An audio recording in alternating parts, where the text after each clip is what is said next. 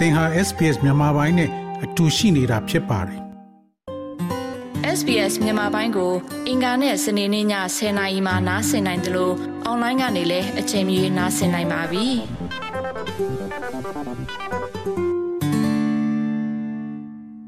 ။ခုပြီးခဲ့တဲ့တပတ်နှစ်ပတ်လောက်ကပေါ့လေကျွန်တော်တို့ထိုင်းမှာသွားပြီးဆေးကုတဲ့ PDF တွေကိုထိုင်းပလိတ်တရဖမ်းပြီးတော့မြန်မာဆီယနာရှင်လက်ထဲကိုအလိုက်တယ်လို့ သိရပါတယ်။အဲရနဲ့ပတ်သက်ပြီးတော့ကိုဒီ NUG လူအခွင့်အရေးဝန်ကြီးတယောက်အနေနဲ့ဥအောင်မျိုးမင်းအနေနဲ့ထိုင်းအစိုးရကိုဆက်သွယ်ပြီးပြောဆိုတာတွေဘာတွေရောရှိပါလားဟုတ်ကဲ့အဲ့ဒီကိစ္စနဲ့ပတ်သက်လို့ကျွန်တော်တို့သတင်းနေကြပါတယ်အဲ့ဒီနေရာမှာထိုင်းအစိုးရကနေဒီကိစ္စကအထောက်အထားမရှိတဲ့ဝင်ရောက်လာတဲ့သူတွေဖြစ်တဲ့အတွက်လူဝင်မှုကြီးကြပ်ရေးဥပဒေအရဒါမျိုးလှုပ်ဆောင်မယ်ဆိုတော့ပြောပါတယ် ဒါကတစ်ခါကကြည့်ရင်တော့သူတို့ရဲ့ဥပဒေရတော့မှန်ကောင်းမှန်နိုင်ပါတယ်ဒါပေမဲ့ကျွန်တော်ဒီလူတွေကဘယ်လိုမျိုးချင်နေဆိုတော့တာမန်ဝင်ရောက်ပြီးတော့ပြန်ပို့တဲ့အခါမှာဟိုဘက်ပြန်ရောက်တာနဲ့အေးစစ်စစ်သူ့နိုင်ငံမှာသူပြန်နေနိုင်တဲ့သူမျိုးမဟုတ်ပါဘူးသူတို့မှာ well founded fear of persecution လို့ခေါ်တဲ့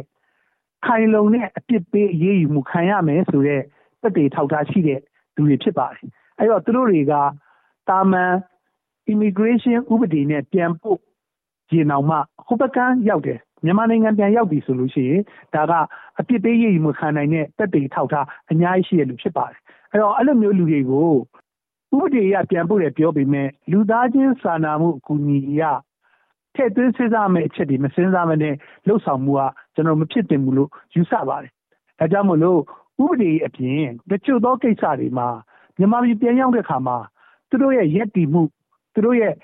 အကြမ်းဖက်စစ်ကောင်စီကိုစန့်ကျင်မှုဆိုတဲ့ကိစ္စကြောင့်ခုနလိုအသက်အန္တရာယ်ဆိုရင်နာတာအခုလိုမျိုးတေသလားရှင်သလားမသိဘဲနဲ့ချစ်ပြက်ပြီးတော့ပြန်လဲဖမ်းဆီးခံတဲ့အရာမျိုးတွေကိုတတိထားစီစစ်ပြီးတော့လှုပ်ဆောင်ပေးဖို့လိုအပ်ပါတယ်ဒီကိစ္စနဲ့ပတ်သက်လို့ကျွန်တော်တို့ထိုင်းမှာရှိတဲ့ဒါထိုင်း CSO တွေ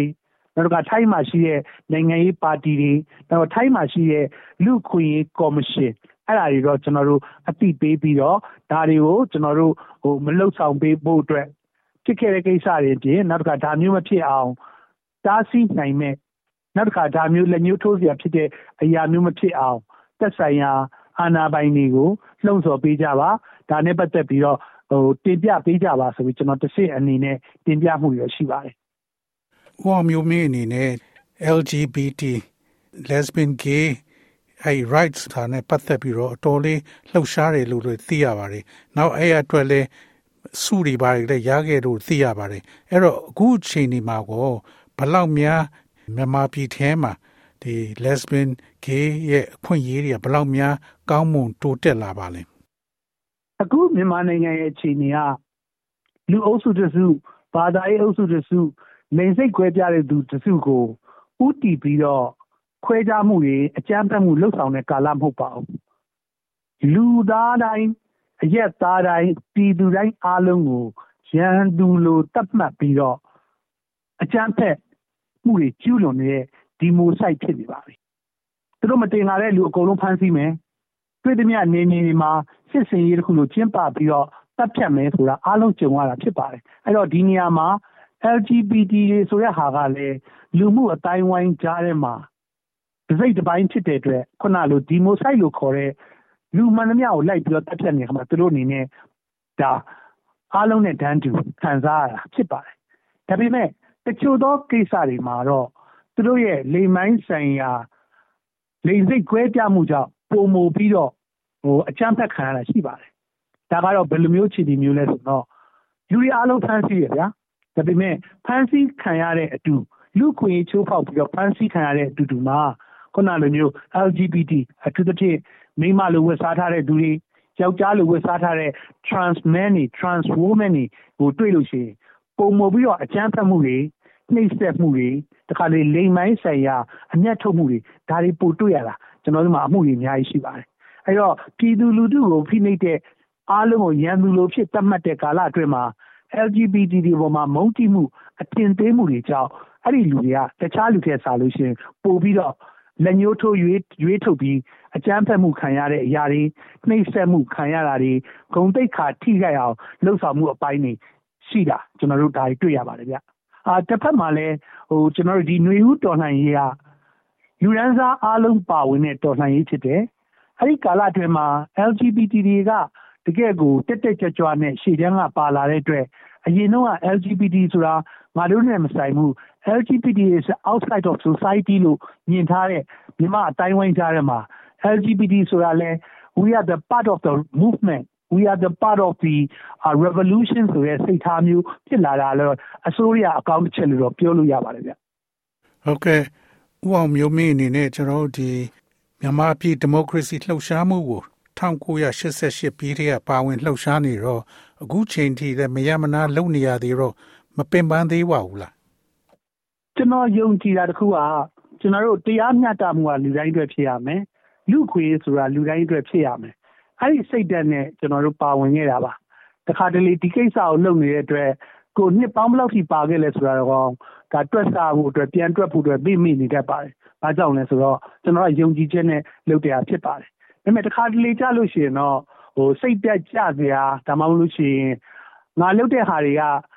ဖြစ်ချင်တဲ့လောက်ကောဖြစ်ပါမလားဆိုတော့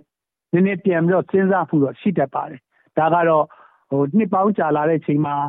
ဟိုကျွန်တော်တို့ပြန်စဉ်းစားမိရပါဒါပေမဲ့အဲ့လိုစိတ်ဖြစ်လာတိုင်းဖြစ်လာတိုင်းခုနကတော့ကျွန်တော်ပြောခဲ့တဲ့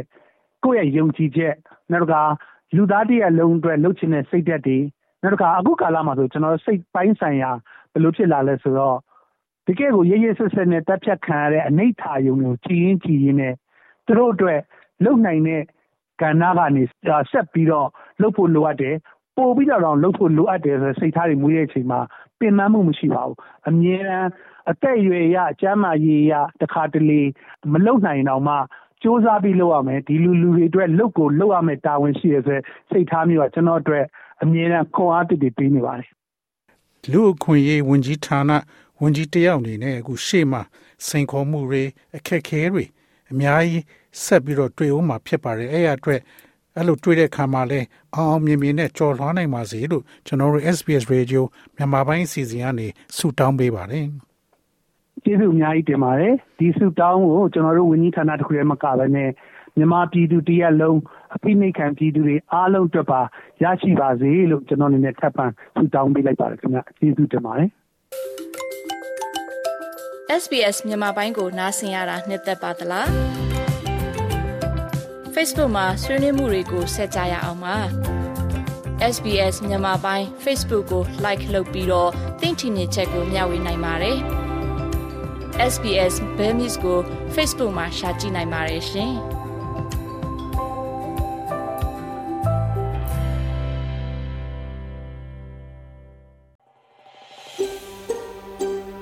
ဒါမျိုးသတင်းဆောင်မတွေကိုပိုနားဆင်လိုပါလား Apple Podcast Google Podcast Spotify တို့မှာသင်ပင်ရာဖြစ်ဖြစ်ရယူတဲ့ podcast ကနေပါ